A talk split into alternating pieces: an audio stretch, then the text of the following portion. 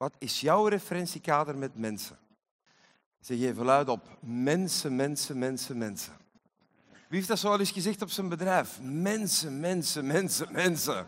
Nu, op het einde van dit programma ga je zeggen, mensen, mensen, mensen. We hebben ze nodig. Heb jij de ondernemerscode binnen jouw industrie, binnen jouw onderneming al gekraakt? Heb jij de code al gekraakt?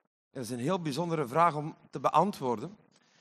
Ik denk, ieder ondernemer is gestart met een bepaalde droom, met een bepaalde uitkomst voor ogen. Is beginnen te ondernemen in een specifieke industrie. En dan is de vraag, heb je de code al kunnen kraken? Ik denk, ieder bedrijf heeft onwaarschijnlijk veel potentieel. Tenminste, als uw bedrijf levensvatbaar is. Je kunt onwaarschijnlijk veel doen met een company als je de code kraakt. En nu ruim 31 jaar, sinds 1988, ben ik op zoek naar manieren om die code te kraken. Want in het begin van mijn ondernemerschap moest ik heel hard werken. Ik was de werkende slaaf binnen mijn bedrijf. Er waren heel wat zorgen en problemen die dan moesten gehandeld worden. En er was relatief weinig opbrengst. En ik had al heel snel het gevoel, is dit het? Moet ik het daarvoor doen? Is dat herkenbaar voor sommige mensen? Als je, misschien niet nu, maar je dat ooit begonnen en je moest heel hard werken, er waren veel zorgen en weinig inkomsten.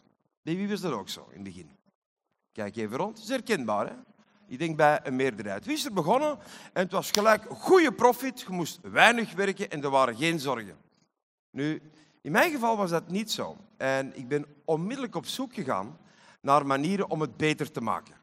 Om in eerste instantie minder zorgen te hebben, in tweede instantie meer opbrengst te genereren en in derde instantie meer vrij te zijn terug in mijn leven en een levensstijl te kunnen leiden. Een levensstijl die ik voor ogen had. En dat komt natuurlijk niet van vandaag op morgen. Nu, vandaag na 31 jaar ondernemerschap, en ik ben hier vandaag vooral als collega-ondernemer van u, kan ik echt wel zeggen dat ik de code heb gekraakt. Niet alleen binnen mijn industrie, maar ook binnen diverse sectoren. Bovendien heb ik ook wat, best wel wat ondernemers kunnen begeleiden om die code te kraken binnen hun business. En een constante in heel het verhaal, als je de code wilt kraken in ondernemerschap, dat is mensen. Je moet werken met mensen. Jouw business draait op mensen. Want je hebt natuurlijk klanten. Dat zijn mensen. Je hebt leveranciers. Dat zijn mensen. Jijzelf, jij bent ook een mens. Je leeft met mensen samen. Daarnaast werkt je ook met mensen. Dus die mensen zijn zeer bepalend in jouw succesproces. De kwestie is, heb je daar een systeem voor? Nu, mensen is iets heel bijzonders. Als je met mensen werkt, dan uh, stel je vast dat je in het proces heel snel een referentiekader ontwikkelt ten opzichte van mensen waar dat je mee werkt. En wat is een referentiekader? U gaat een veronderstelling aannemen over hoe dat mensen zijn in je company. U hebt een bepaalde aanname door de tijd ontwikkeld. En wat is die aanname? Bij mij is dat gevarieerd door de tijd. Er zijn momenten geweest dat ik zei van, oh, personeel, dat kost geld. Er is ook een moment geweest dat ik zei van, ik heb ze nodig. En daartussen ligt heel veel. Nu, als je met mensen praat, en ja, ik doe dat natuurlijk wekelijks heel veel. Praat met ondernemers en ik stel de vraag van, en hoe loopt het bij u? En werk je alleen? Ben je een eenmanszaak of werk je met mensen? En dan, oh nee, ik heb wel wat medewerkers. Ah, en hoe loopt dat? Nu, wat is de generale commentaar die je krijgt, denkt u? Hebt u zo het gevoel dat de meeste ondernemers zeggen van, oh ja, dat gaat geweldig met mijn mensen, die samen, is geweldig, fantastisch. Dat is, dat is super. Dat gebeurt, maar dat zijn eerder uitzonderingen. Meestal krijg je een soort van klaagzang. Of worden er bepaalde uitdagingen onder mijn neus gelegd. Ja, het is heel moeilijk om de juiste mensen te vinden. Oh, tegenwoordig kost geld, hè. mensen. Het kost geld. Het is, uh, oh, het is allemaal niet gemakkelijk. En plotseling komen mensen met allemaal syndromen dat ze hebben voorgedaan. En op die moment stel ik ook vast dat dikwijls bij de ondernemer die klaagt over mensen, het feit dat hij geen mensen kan vinden, of het feit dat de mensen dat hem heeft te veel geld kosten, of, of, of, of, er zijn van allerlei syndromen die zich voordoen, die ondernemer blokkeert om voluit te gaan met zijn business. Als je onderneemt, dan zijn daar blokkades. En de kunst is om die blokkades te ontmantelen. En ik denk dat Star in HR een gigahit gaat zijn in Vlaanderen. We merken ook dat de belangstelling voor dit programma onwaarschijnlijk groot is. En dat is nu net omdat wij in een klimaat, een context leven. Mensen moeten redelijk wat centjes tegenover zetten. De belasting op werk is groot. Wij leven hier maar in een heel beperkte context. We zijn een klein landje. Bovendien is dat landje ook, Europa ook, enorm veranderlijk. Onze cultuur is een beetje aan het veranderen. We zijn in een transformatieproces. En in dat transformatieproces vinden mensen toch wel wat uitdagingen. Vroeger was het vrij eenvoudig, het was vrij simpel. Mensen zochten een baan en eens dat ze een toffe baan hadden gevonden, dan was dat voor het leven. Zo dachten mensen. Nu vinden mensen een baan en zeggen van oké, okay, what's next? Wat kan ik nog doen? De verleiding om elders te gaan werken en de loopbaanverschuiving als een persoonlijke ontwikkeling te zien, die verleiding is veel groter de dag van vandaag. En dat doet natuurlijk iets met ondernemingen. Nu, ik ben zelf begonnen in 1988 en ik heb me gelijk verplicht om met samenwerkers te werken. Ik was eerst alleen, maar ik kon geen brief typen zonder DT-fouten. Dus ik had absoluut een secretaris nodig. Dat stond ook zo in mijn businessplan dat ik ging opstarten. Ik moet een secretaris hebben. Ik had gezien van die succesvolle ondernemers, ja, allemaal een secretaris. Dus ik moet een secretaris hebben voor mijn administratie, mijn brieven. Tot de dag van vandaag, ik ben een administratieve chaot. En die bediende, die secretaresse, Karin was haar naam, dat was een soort van meewerkende vernoot bijna. Die deed veel meer dan de brieven typen. Die dacht mee in mijn company. En dat gaf mij onwaarschijnlijk veel moed want ik was jong, 22 jaar, en ondersteuning op die zaken waar ik zelf totaal onbekwaam was. En ik merkte al direct dat die twee mensen die samenwerken veel meer kunnen realiseren dan twee losse individuen. Er was een hele goede team-up. En toen kwam er een derde persoon bij. Dat was iemand voor de productie te doen. Want ik had een productiebedrijf en mijn handen stonden zo, dus we hadden daar iemand voor nodig. Dus ik ben mij gaan eerst inzetten op sales, op verkoop. En dan, uh, ja, die verkoop die werd administratief geprocessed. Maar wat verkocht is, moet ook uitgevoerd worden. Dus ik moest achter een technisch profiel aan. En dat heb ik dan ook gevonden. En dan zijn we gaan collaboreren met z'n drieën. Drie mensen die actief samenwerkten. En al snel moesten we naar een vierde persoon gaan. En plotseling zit je daar met een soort van mini-onderneming. Met een aantal mensen die samenwerken. En in het begin ging al die winst naar die samenwerkers. Die consumeerden gewoon mijn winst, want die mensen moeten betaald worden. En mijn businessmodel was in principe nog niet klaar om te voorinvesteren in mensen. En dat is voor heel veel zelfstandigen een heel moeilijk proces om daar door te geraken. Daarom leer ik ook nu in de Master Results, in mijn programma's, dat je winstmodel moet van het begin zeer goed georganiseerd zijn. Je kan beter wat meer prijs vragen en een goed winstmodel hebben, want dan kan je snel investeren in mensen en dan heeft jouw bedrijf kans om te groeien. Als uw winstmodel niet in staat stelt om mensen in dienst te nemen, dan bent u mogelijk gedoemd om altijd alleen te blijven werken of in een kleine beperkte structuur. Dus als u ooit nog eens een nieuw bedrijf zou opstarten, uw winstmodel naast uw aanbod is onwaarschijnlijk belangrijk. En mogelijk moet je zelf, na Star in HR, alsnog eens een keer je winstmodel vastpakken om te onderzoeken of dat, dat wel lucratief genoeg is om met mensen te kunnen gaan werken. En ik kan mijn verhaal heel kort maken. Ik ben dan begonnen, er waren best wel wat uitdagingen en zorgen in het proces. Dus ik werd onwaarschijnlijk ambitieus. En die club die groeide. Er kwamen mensen bij in de productie en dan uh, ben ik een verkoper gaan in dienst nemen. En ja, dat groeide van drie mensen, groeide dat zo naar zes, zeven mensen. En van zes, zeven mensen groeide dat naar acht, negen mensen. En ik stel dan ook vast in dat proces, als je met zes mensen werkt, of je werkt met acht, negen mensen, dat is helemaal anders. Dat is compleet anders. Want als je met zes mensen werkt, Dan ben je smiddags gewoon samen aan tafel en je eet samen de boterhammetjes. En je hebt een soort van overleg zoals je nu hebt aan tafel. Maar als je met acht, negen merkt, mensen werkt, afhankelijk hoe groot dat je tafel is op je bedrijf, ja, daar kun je dan niet meer allemaal aan zitten. Dus dat is al veranderlijk. De verbinding die dat je met mensen hebt, die transformeert. En zo heb ik mijn bedrijf gebouwd tot een succesvolle KMO. En dan heb ik nog andere bedrijven in dezelfde sector in de wereld gezet, waar ik dan ook weer mensen, met mensen zijn gaan werken. En door de tijd heb ik dan gemerkt dat je heel die club moet gaan managen. Echt managen, managen, managen, managen. Je moet constant met die mensen bezig zijn. Op een zeker moment kom je op een fase dat je dat ook niet meer alleen kunt. Dat je daar ook assistentie in nodig hebt. En ik kan u gelijk verklappen, ik ben geen goede manager. Ben jij een goede manager? Ik ben daar veel te creatief voor en veel te veranderlijk voor. Een goede manager is een persoon welke de succesvolle procedures en de bedrijfsstrategieën bewaakt en vooral laat uitvoeren door de mensen die operationeel werken. Ja, en ik knoei met mijn eigen procedures, want ik wil die altijd beter maken, ik wil die transformeren. Dus ik creëerde in het proces best wel wat verwarring voor mijn mensen, omdat ik zelf zo veranderlijk was. Dus ik heb dat zo rap als mogelijk heb dat losgelaten op een zeker moment. En ik heb managers aangesteld. Bepaalde leidinggevenden over bepaalde afdelingen die ik dan ging besturen. En er was ook weer een nieuwe fase in mijn ondernemerschap, omdat de mensen op de werkvloer, die zien je minder, die zien vooral de managers.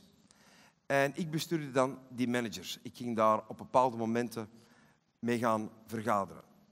Ik ben nu op een fase in mijn leven dat ik openlijk durf te zeggen dat ik een slechte bestuurder ben. Dat ik een slechte leider ben. Omdat er leiders zijn die veel beter zijn. Op deze fase in mijn carrière heb ik er allemaal niet zoveel goesting meer voor. Vandaag ben ik zo goed als compleet positief overbodig binnen alles wat ik doe. En stuur ik die club van op afstand aan. En zijn er echt leidinggevenden, bijvoorbeeld Karel van der Velde, traininginstituut, heeft een CEO die de basis van het bedrijf. En ik doe nog wel interventies af en toe met afdelingen, maar veel minder dan vroeger. Oh, dat is zalig. Dat is echt zalig. Nu, wat wil ik u gelijk meegeven? U hebt een bepaald profiel als mens en u hebt een bepaalde leeftijd ook mee. En u hebt ook een bepaalde ondernemerservaring. En ondernemerschap is nooit niet constant, is nooit niet hetzelfde. Door de tijd verandert uw bedrijf, jij verandert. En bij al die veranderingen in de wereld, je onderneming en jezelf, veranderen ook je behoeftes en je kwaliteiten. En wat ik persoonlijk fantastisch vind, en dan noem ik ook de code kraken, dat is beginnen van hardwerkende zelfstandige. Ik noem het dan de werkende slaaf binnen uw eigen organisatie. En door de tijd en hoeveel tijd dat jij daarvoor neemt, dat laat ik in het midden, groeien naar positief overbodig en eigenaar zijn van een succesvolle onderneming. Dus in principe zou je moeten groeien van een soort van eenmanszaak tot een miljoenenbedrijf. Ik heb dat zelf gedaan binnen diverse sectoren. Ook met het Karel van de Velde Training Instituut. Bouw een miljoenenbedrijf. En hou dat eens voor ogen. Ongeacht wat uw business is, we bouwen een miljoenenbedrijf. Heel belangrijk is dat je de juiste aannames hebt als ondernemer de juiste overtuigingen. En in het begin was voor mij een miljoenenbedrijf, miljoenen euro's, in het begin was dat Belgische frankje, miljoenen Belgische frankje omzet. Daarna is dat miljoenen euro's omzet geworden per jaar dat je tot stand brengt. En als alles goed gaat, dan moet je de lat wat hoger leggen. Nu gaan we eens miljoenen winst draaien op een jaar. En alles wat mentaal mogelijk is voor jou, kan je mogelijk, mogelijk, afhankelijk in welke industrie dat je zit, in welke handel dat je zit, ook omzetten in werkelijkheid. Dus uw handel dat je hebt gekozen, is ook zeer belangrijk. Ik kan nu toevallig doen wat ik heel graag doe. Mijn renovatiehandel, dat was initieel niet iets wat ik graag deed. Dat was voor mij gewoon een goede handel waar ik mogelijkheden in zag. En je kunt perfect, en die dynamiek wil ik je meegeven. Je kunt perfect in een industrie stappen waar dat je zelf, bij wijze van spreken, geen orgasme van krijgt of waar dat je niet passioneel over bent. Maar waar je wel passioneel over kunt zijn, dat is ondernemerschap. Ik zie dat mensen in industrieën stappen waar ze totaal geen affiniteit mee hebben, maar ze hebben wel affiniteit met ondernemerschap. En ze maken dat bedrijf tot een miljoenenbedrijf succesvol, omdat ze gewoon goede ondernemers zijn. Dat is een wezenlijk verschil. Wij zijn soms te veel verslaafd aan ons eigen product of aanbod. Beschouw uw dienst, uw aanbod, datgene wat je doet, als een voertuig om te kunnen ondernemen. Dat is een heel andere mindset. En om succesvol te kunnen ondernemen, heb je natuurlijk mensen nodig. Als u alleen werkt, prima, dan doet u een job. U hebt mogelijk een goed betaalde job voor uzelf. En op zich is dat niet erg, dat is fantastisch. Maar het is geen miljoenenbedrijf. Want mogelijk werkt u Urke facturker. En dat is een heel andere werking. Dus behoud alsnog de mogelijkheid om misschien een miljoenenbedrijf van uw company te bouwen. Het is misschien dichterbij dan u zelf denkt. Nu, als je een miljoenenbedrijf wilt bouwen, dan moet je met mensen werken. Mensen, mensen, mensen, mensen. Van al die mensen waar ik heb mee gewerkt door die jaren, hoeveel zijn er nu nog bij mij? Ga je pronostiekje laten doen. Ik ben begonnen in 1988. Toen ben ik beginnen werken met mensen.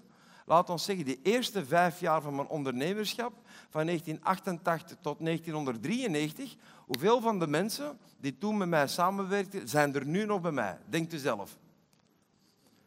Roep het eens luid op. U dan maar gelijk?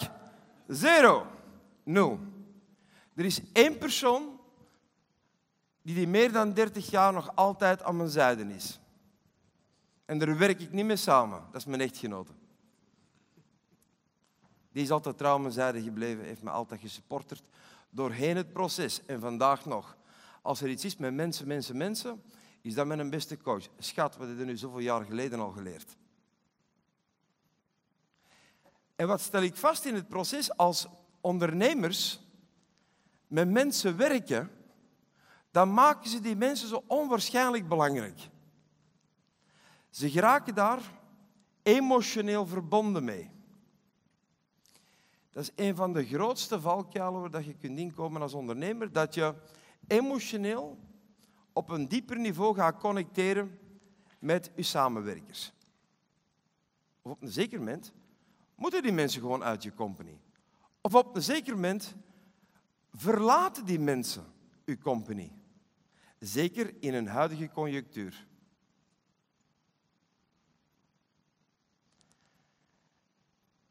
En ik stel vast, als ik met Vlaamse ondernemers werk, hè, dat Vlaamse ondernemers mensmensen zijn. Ze gaan er graag mee om en ze beginnen sommige medewerkers bijna als vrienden te zien. Ze worden er ook afhankelijk van. Niet alleen praktisch afhankelijk, maar ook emotioneel afhankelijk. En dat is jezelf heel kwetsbaar maken. En kwetsbaarheid is schoon. Maar als uw bedrijf kwetsbaar wordt, dan is dat een heel gevaarlijke situatie.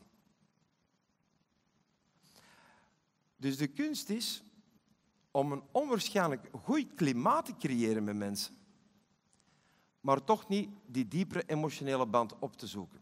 Want dan kun je geen goed bestuur meer voeren. Dan wordt het heel lastig. Een chirurg in een ziekenhuis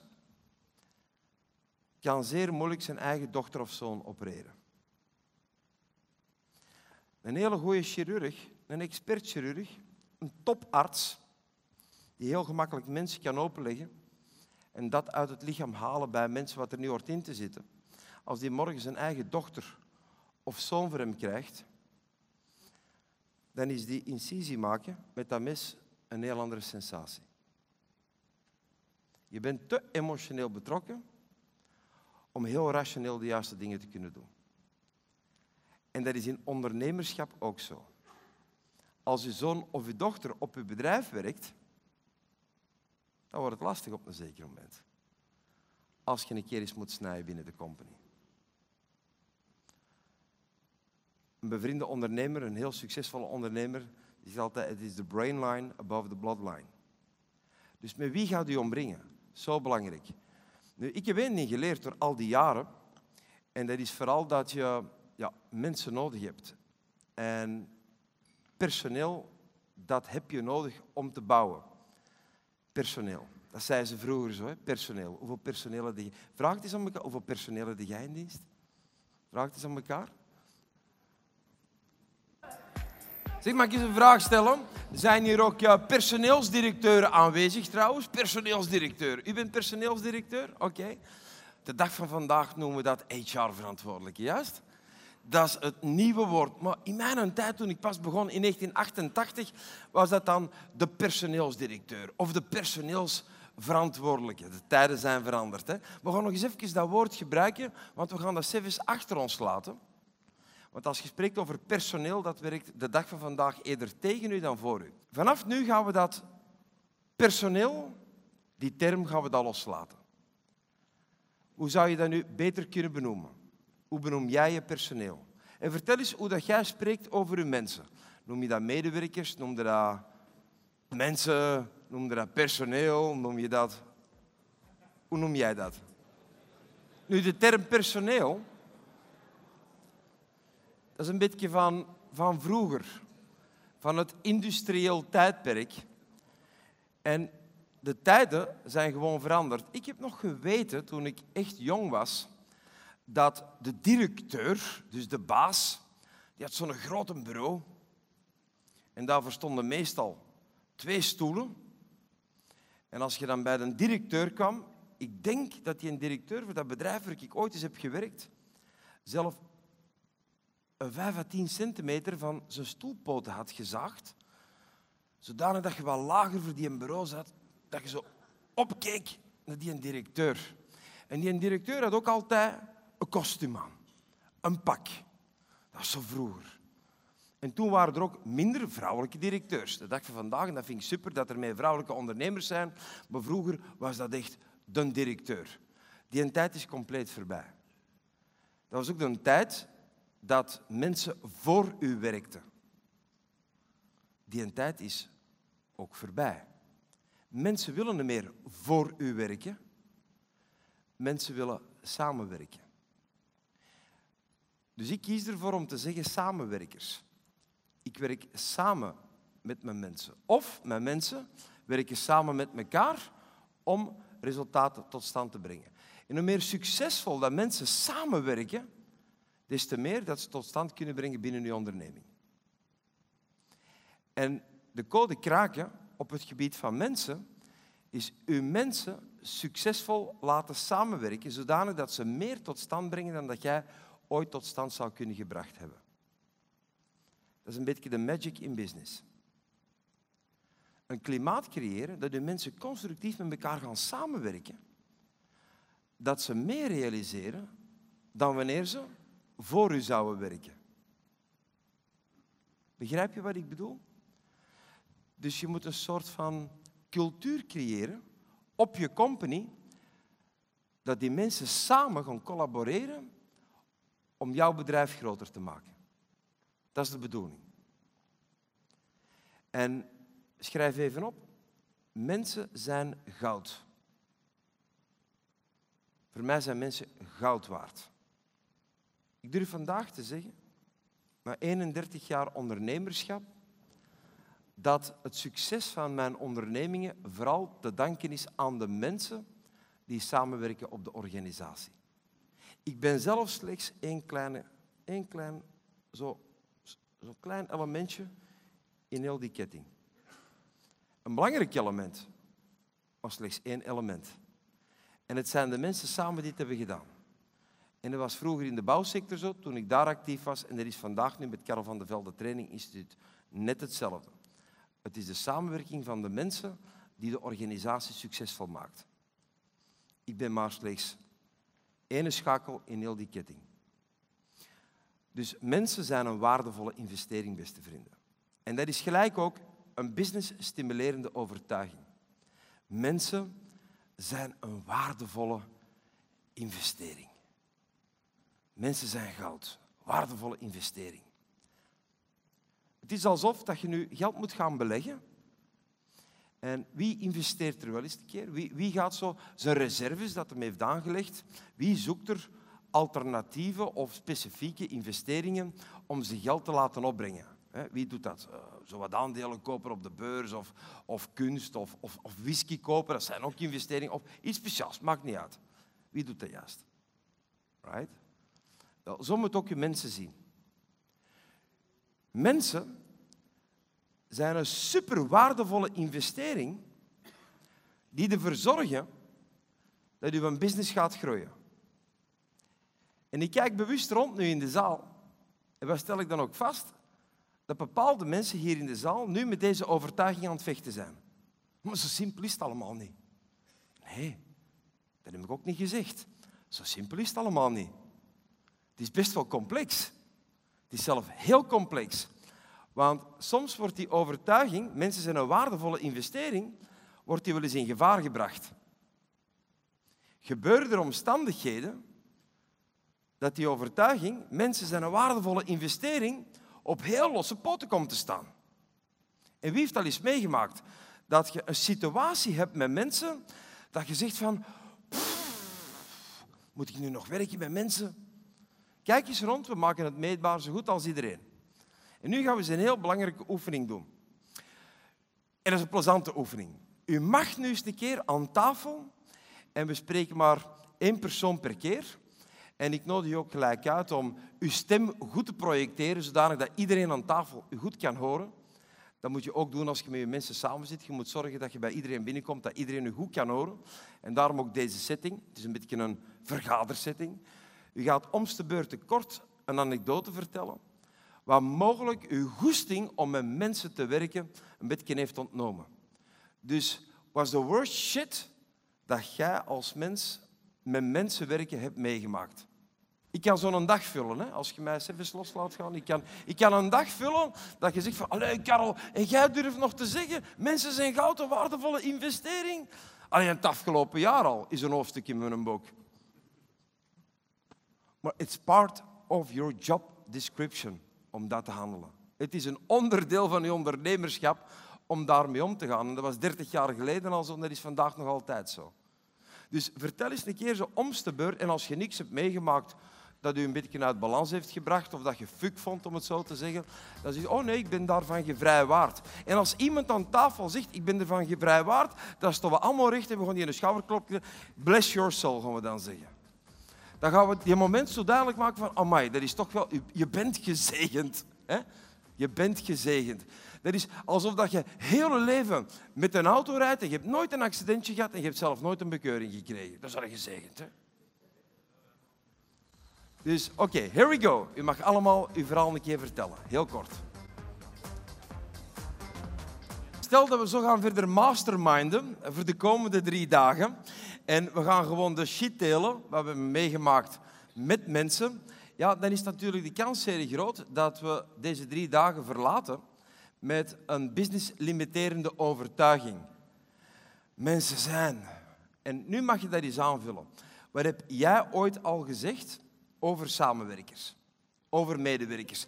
In dan minder positieve zin. Laten we eens even negatief doen. Allee, ik heb al van alles gezegd. Hè. Bijvoorbeeld, mensen zijn dieven. Mensen zijn leugenaars. Mensen zijn niet te vertrouwen. Allemaal gezegd. Ik heb dat allemaal gezegd. Wat heb jij allemaal gezegd? Vul die aan. Zeg het eens even. Kom aan, tegen elkaar. Wees kwetsbaar.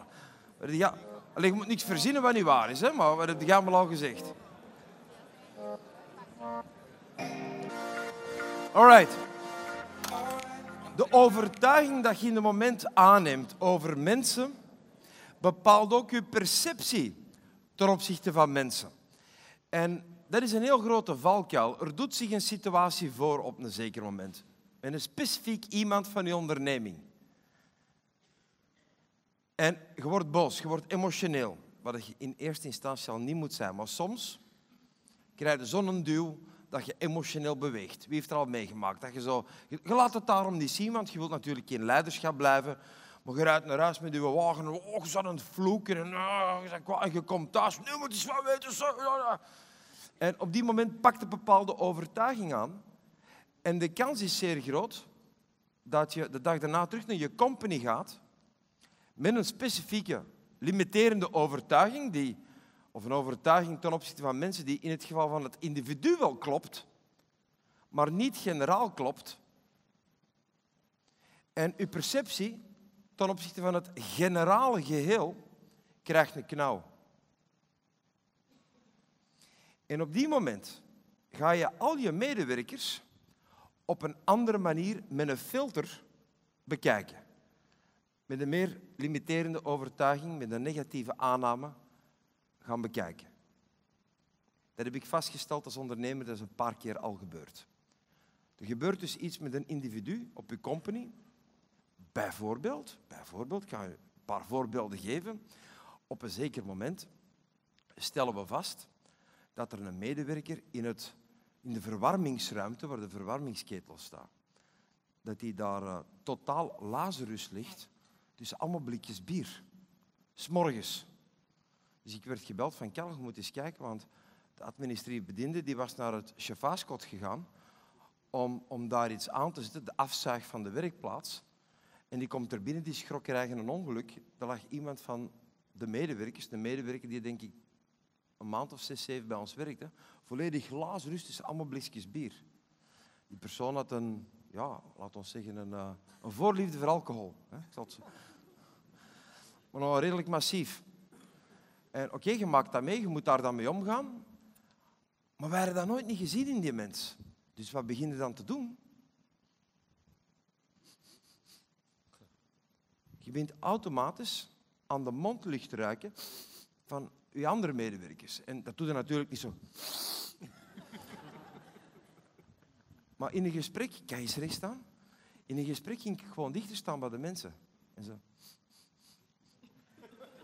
Nee, Karel, ik heb niet gedronken, zeiden mensen tegen mij. Ah ja, oké, maar ik wou toch maar even zeker weten.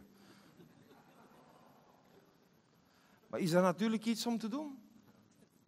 Misschien niet, misschien wel. Maar als dat u heel veel heeft gekost, die man dat daar ligt tussen zijn blikjes bier, zeker moment begint iedereen in vraag te stellen. Maar wacht eens, die persoon heeft misschien ook wel een aantal kenmerken mee van iemand dat.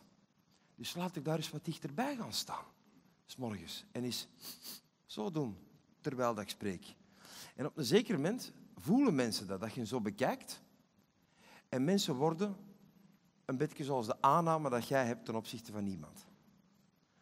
Dus als jij iemand als niet te betrouwen gaat beschouwen, dan gaan dat mensen voelen en die kunnen ook geen verbinding meer mee maken. En daar is dan de vervaldatum nabij. En ik zeg bewust de vervaldatum, want op iedereen, ook op jou, ook op mij, staat een vervaldatum. En als je met mensen werkt, dat is tijdelijk. Ik kan dat nu zeggen. Na 31 jaar ondernemerschap, dat is tijdelijk. Want al de mensen, zijn er heel veel waar ik mee samengewerkt, dat is veranderd. Ja, ik heb bedrijven verkocht, dus die mensen zijn er meer in mijn leven. Langs de andere kant zijn er mensen vertrokken. Op iedereen staat een vervaldatum.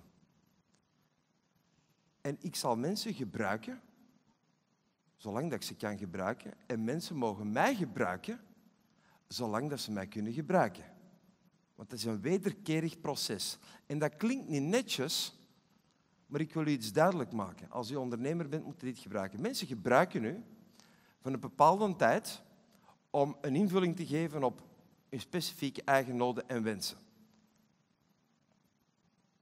En jij gebruikt de mensen van een bepaalde tijd om een invulling te geven op je eigen noden en wensen. Dus dat is een ruildeal. Een ruildeal. En die is fair. Die is super fair. Als je dat goed managt. Wanneer is die meer fair? Dat jij op een manier mensen begint te gebruiken die eigenlijk deontologisch niet verantwoord is. Of dat de mensen jou beginnen te gebruiken op een manier die niet meer fair is, die niet meer deontologisch verantwoord is. En sommige mensen blijven een leven lang op een bedrijf. Minder en minder en minder mensen, dat kan ik je alvast vertellen. Want sommige mensen gebruiken hun werkgever 30 of 35 jaar. En soms kun jij van de diensten van iemand 30, 35 jaar, ik heb dat nog niet meegemaakt, maar dat bestaat, 30, 35 jaar gebruik maken. En vanaf het moment dat jij te veel verwachtingen gaat opleggen naar jezelf ten opzichte van mensen, dan gaat de impact van de teleurstelling als mensen vertrekken of er gebeurt iets of ze gaan weg veel groter zijn. En bij mij was dat een verschrikking vroeger. Ik kon daar wakker van liggen in mijn bed. Ik was daar niet goed van. Ik voelde dat als een aanval op mijn persoon. Want ik ben een loyalist. Persoonlijk, ik ben een loyalist. Als, je, als wij verbonden zijn, dan is dat van mij vanuit het hart en voor altijd. Zo zit ik als mens gewoon in elkaar. Ik kon ook uit van het goede van mensen altijd. En ik kon daar zo van mijn melk van zijn. Nu, op mijn, laten we zeggen, 54 jaar dit jaar, niet meer. Ik ben er meer uit mijn melk. Ik heb heel veel gezien, ik heb heel veel ervaren. Ik heb één ding geleerd. Je gebruikt elkaar tijdelijk. En zolang dat je elkaar aan het gebruiken bent, maak daar een topsamenwerking van. Organiseer dat zo goed als mogelijk. Maar als je met mensen samenwerkt en je denkt dat het voor het leven is en je verwacht ook dat mensen nog tien jaar met je gaan samenwerken, dan gaat het mogelijk binnen één of twee maanden of binnen één of twee jaar teleurgesteld zijn. En dat geeft iedere keer een knauw. En dat stel ik vast als ik ondernemers ontmoet, dat ze soms emotionele klappen krijgen, net door het samenwerken met mensen.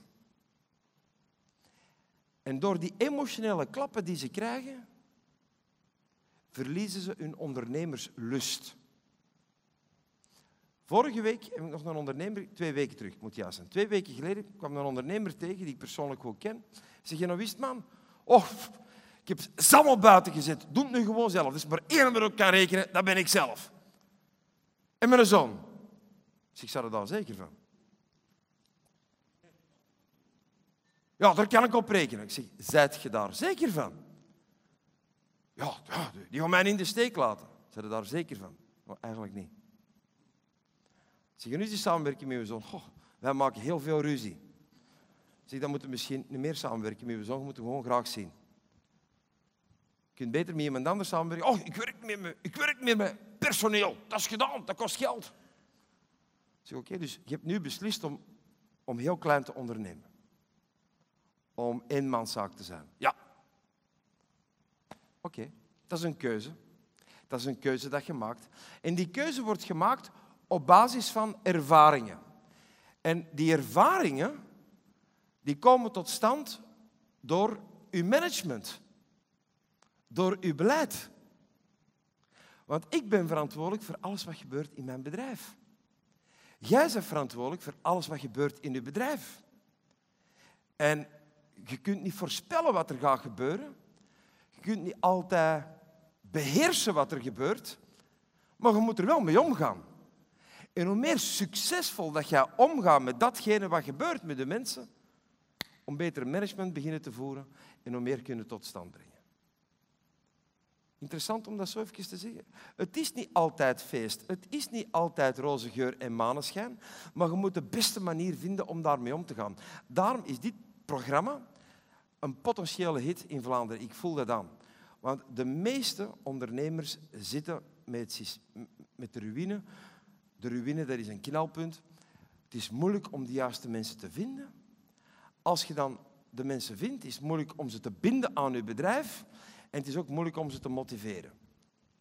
Ja, en wij leven nu helemaal in een klimaat, beste vrienden, dat de overheid iets trager werkt als ondernemerschap. De tijden veranderen. Ik hoorde van de week zeggen, zon, zondagwerk. We gaan de winkels... Zondag. Je mag gewoon zondag je zaak open doen. Dat is allemaal goed en wel. Maar die gaat eens uitgerekend wat je samenwerker moet betalen als die komt werken op een zondag. Dan staat het te draaien met verlies. Dus ook dat moeten ze aanpakken. De belasting op loon. Ook dat moet gereorganiseerd worden. Ja, en dan leven we in België. Dat gaat allemaal vrij traag. Dus wij moeten als ondernemers heel scherp zijn en de juiste dingen doen om een en ander tot stand te kunnen brengen. Dus medewerkers zijn, wat is uw conclusie nu? Wat zijn medewerkers? Creëer eens een definitie voor uzelf. Waar ga jij mee naar buiten gaan op het einde van deze driedaagse? Medewerkers zijn een waardevolle investering. En laat die overtuiging u nooit niet afstelen. Bewaak dat. Bewaak die overtuiging. Er zijn een aantal dingen dat je moet bewaken en beschermen. En dat is de overtuiging Medewerkers of samenwerkers, hoe dat je het ook wilt zeggen, zijn een waardevolle investering. Beschouw die als goud. Ongeacht wat er gebeurt. Laat die enkele, die individu, uw goesting op ondernemerschap niet ontnemen. Waarom doen mensen wat ze doen? Mensen zijn niet hun gedrag, mensen zijn hun stemming. Mensen zijn hun gevoel, mensen zijn hun stemming. En mensen, hun gevoel en hun stemming wordt beïnvloed. Soms gebeuren er dingen dat je zegt, alleen komt dat die medewerker nu zo redeneert? Maar die persoon heeft ook een andere context waar dat jij geen deel van uitmaakt. Het thuisfront. En mogelijk gebeuren er dingen in het thuisfront waar dat jij niks van af weet. Alleen dat hoort ook zo te zijn dat je er niks van af weet. Want als je alles af weet van dat thuisfront, dan bent u mogelijk al te dicht bij uw samenwerker. Er gebeuren bepaalde dingen en de dingen die daar gebeuren, kan net een gedrag aanzetten bij die medewerker waar dat jij dan een beetje moeite mee hebt. We zijn allemaal mensen. Dus je overtuiging moet je vooral bewaken. Je business, stimulerende overtuiging. Mensen zijn een waardevolle investering. Mensen zijn goud. Die laat ik maar nooit niet afnemen. Die zit in mijn kluis en die laat ik nooit niet stelen. Dat is een heel belangrijk aspect in de succescode gekraakt. En wat je ook moet bewaken, waar je ook de goede poortwachter van moet zijn, dat is je winst. Uw winst uiteindelijk betaalt de rekeningen. Ze geven luid op, mijn winst betaalt de rekeningen. Niet alleen de onkosten binnen uw bedrijf, maar ook je privérekeningen. Dus mijn winst die ik produceer betaalt mijn privérekeningen. Zeg het eens luid op. Oké. En hoe een leukere levensstijl dat u gaat leiden, hoe meer privérekeningen dat je hebt. Is dat juist? Is dat een logisch, logisch iets? Nu gaan we eens even aan onszelf denken. De bedoeling is, denk ik toch, dat je een leuke levensstijl leidt. Juist? U bent ondernemer. U hebt risico's genomen. Je hebt geïnvesteerd. Wij zijn werkgevers. Wij stellen 1600 en zoveel mensen hier samen te werk. Daar mogen we toch voor beloond worden. Juist? We mogen toch een leuke levensstijl leiden. Ja? Eh, ik heb momenten gehad hè, dat ik gewoon mijn mensen op vakantie zag gaan. Ik zag die op skivakantie gaan. Ik zag die op zomervakantie gaan. Ik zag die weekendtripjes doen. Die kwamen met verhalen af. Oh, we zijn er een goed restaurantje geweest. Dat ik daar niet de centen voor had. Dus ik was de baas. En mensen die bij me werkten hadden een betere levensstijl dan ik zelf had. Toch, dat kan dat toch niet de bedoeling zijn. Ik werk godverdikke 7 op de 7, 16 uur per dag. En er zijn die mensen die die acht uur werken en die een veel betere levensstijl hebben. Dankzij het werk dat ik geef. Hier klopt toch iets niet? Ik heb daar ook recht op. Wie vindt dat hem recht heeft op een toplevensstijl? Steek even uw hand op. Oké. Nu, wat kost uw levensstijl? Die dat je eigenlijk wilt leven. Centen. moet je facturen kunnen betalen. En van waar kunnen die facturen betalen? Dat is van de winst dat je produceert met die onderneming. En ik heb heel veel bedrijven en ondernemers het moeilijk zien krijgen, omdat ze net gaan investeren in medewerkers. Moet je dat vertellen? Ze gaan investeren in medewerkers, maar ze bewaken hun winstmodel niet. Zie je ook gebeuren in de Master in Results groep zie ik mensen een deel van het verhaal oppikken. Ja, je moet met mensen werken, want dan kun je schuiven van werker naar manager en dan kan ik van manager naar, naar leider, kan ik positief overbodig zijn. Maar zijn we dit verhaal zijn ze vergeten. Bewaak je winstmodel. En wat gebeurt er dan? Geïnvesteerd in mensen, mensen, mensen, mensen, mensen. Die mensen eten hun winst op. Er gebeurt een zeker moment, schiet er zelf over. En je moet terug mensen gaan uitbesteden. En dat kost veel geld in België. Mensen in dienst nemen, dat is een investering. Maar mensen uit dienst zitten, dat is een grote kost. Dan spreek je meer van een investering. Dus wat je zeer goed moet doen, dat is je winstmodel bewaken. Je moet de nummers kennen. En er zijn een aantal cijfers dat je onwaarschijnlijk goed moet kennen. En er is één, uw omzet per medewerker. Omzet per medewerker. Dat is eigenlijk een heel gemakkelijke oefening. Schrijf even op met hoeveel mensen dat je werkt. Schrijf je omzetcijfer op en gedeeld het een door het ander. Dus als ik mijn omzetcijfer pak van mijn kalenderjaar afgelopen jaar, met hoeveel mensen hebben dat gerealiseerd? Ah, met zoveel mensen. En ik deel dat, dan heb ik een specifiek bedrag. Nu, u gaat ook een boekjaar, u kent ook een boekjaar. Ja, bij ons sluit het af einde maart, hè, dus wij gaan nu ons boekjaar afsluiten. En u hebt ook daar een bepaalde ja, winst gegenereerd. Als het goed is, heb je winst gemaakt. Hè? En dat moet ook een keer uitrekenen. Met hoeveel medewerkers hebben dat gedaan? Dus u deelt uw winst door het aantal medewerkers. Wat je ook eens een keer moet berekenen, zeer interessant, dat is niet voor iedere branche van toepassing, maar hoeveel deals heeft uw company gemaakt het afgelopen jaar?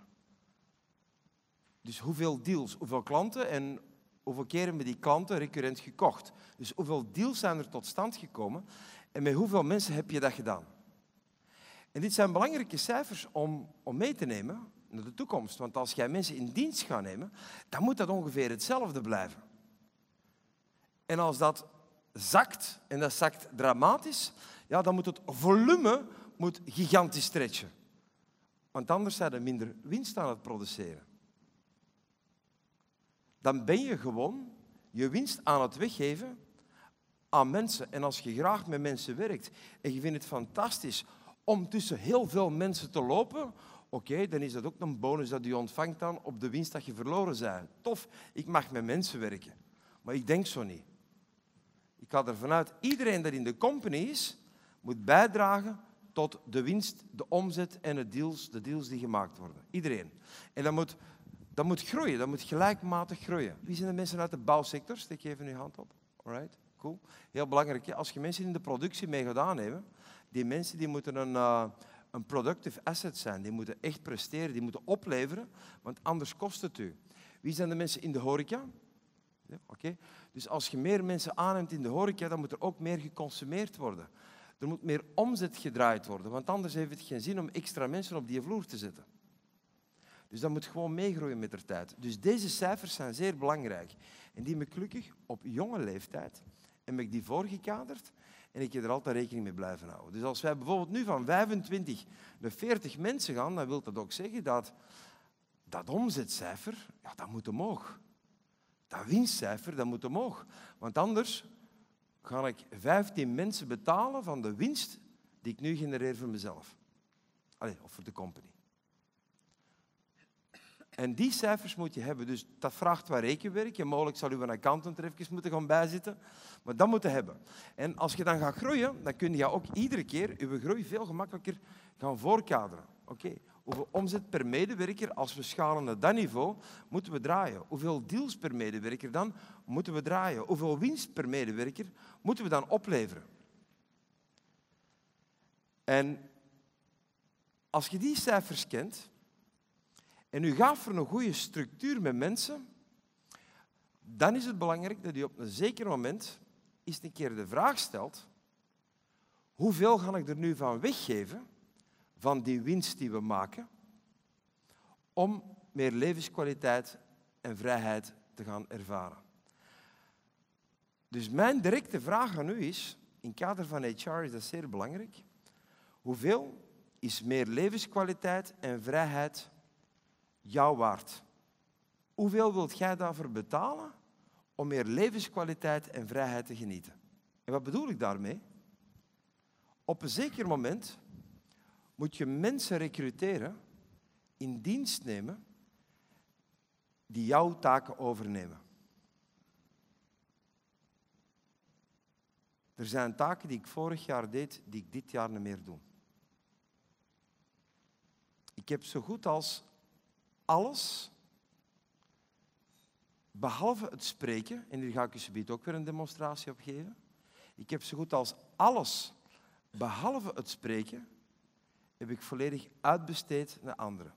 En uiteraard stap ik wel eens de marketingafdeling binnen, omdat ik daar nog het een en het ander toelever. Uiteraard ga ik eens een keer met, met de sales manager eens een keer aan tafel zitten en eens een klap doen. En ga ik eens een vergadering bijzitten. Tuurlijk, dat draait allemaal zonder mezelf. En dat geeft mij een bepaalde vrijheid om super creatief te zijn. En ik ben geen luier. Het is niet dat ik niks doe, maar ik werk aan die organisatie. En ik wil je ook inspireren. Wat is uw vrijheid u waard? Als je op een zeker moment een vice-president gedaan hebt, die alle taken overneemt, we noemen dat even vice-president, dat kan ook een CEO zijn, of dat kan gewoon een general manager zijn, of een managing director zijn, maakt niet uit wat, die alle taken van u overneemt. Mogelijk gaat die persoon dat met veel meer overtuiging en goesting doen, Want die persoon stapt in een nieuwe carrière, terwijl dat jij eigenlijk al heel lang in die carrière zit en een beetje uitgeblust bent. En als jij er dan uitstapt en je betaalt die persoon een pre en laat dat 100.000 euro per jaar kosten, als uw winstmodel dat oplevert, dat is niet voor iedereen zo, maar als uw winstmodel dat oplevert, stel je maakt 400.000 euro winst voor belastingen op een jaar, dan kun je toch 100.000 euro afgeven en vrij zijn. En de ruimte hebben om een onwaarschijnlijk veel levenskwaliteit te ervaren. Bovendien ben je dan ook vanaf van al die HR-zorgen. Ik kan u zeggen, dat is de CEO. Dat is de CEO. Zou ik eens een keer de kunnen? Dat is de CEO. En de CEO zegt, dat is HR. En die mensen gaan daarmee om, op een constructieve manier. Dus dat klimaat willen we gaan creëren. Nu, wat ik je uitnodig te doen, dat is een succesvolle structuur creëren van succesvolle samenwerkers die tijdelijk op een heel productieve, constructieve, plezante manier met je samenwerken. En je hebt doeners, je hebt denkers en je hebt leiders. Een bedrijf dat te veel leiders heeft, dat is niet goed. Een bedrijf dat te veel denkers heeft, dat is niet goed. En een bedrijf dat alleen maar doeners heeft, dat is ook niet goed. Dus je moet een goed klimaat creëren van mensen die bij je werken. Dus je hebt technische profielen, je administratieve profielen, je commerciële profielen en dan heb je leidinggevende profielen. En vanaf het moment dat jij schakelt naar positief overbodig zijn en je wilt jezelf een meer levenskwaliteit geven, dan heb je natuurlijk ook een aantal goede leidinggevenden die werken met de commerciële, administratieve en technische mensen. En weet ook, en daar gaan we ook in coachen door de drie dagen, dat al die profielen, die technische, die administratieve en die commerciële en leidinggevende profielen, een andere aanpak vragen. Een andere communicatie vragen. Die vragen een andere identiteit. En de valkuil waar wij als ondernemers dikwijls instappen, dat is dat we iedereen behandelen op dezelfde manier. En u gaat hier naar huis toe gaan, de zaterdagavond, als een persoon met een multi-personality. U gaat verschillende rolidentiteiten kunnen gaan inzetten naar diverse mensen. Want dat is ook nodig om een fantastisch HR te doen. We zien elkaar terug binnen 20 minuten van u. Tot zo, dankjewel.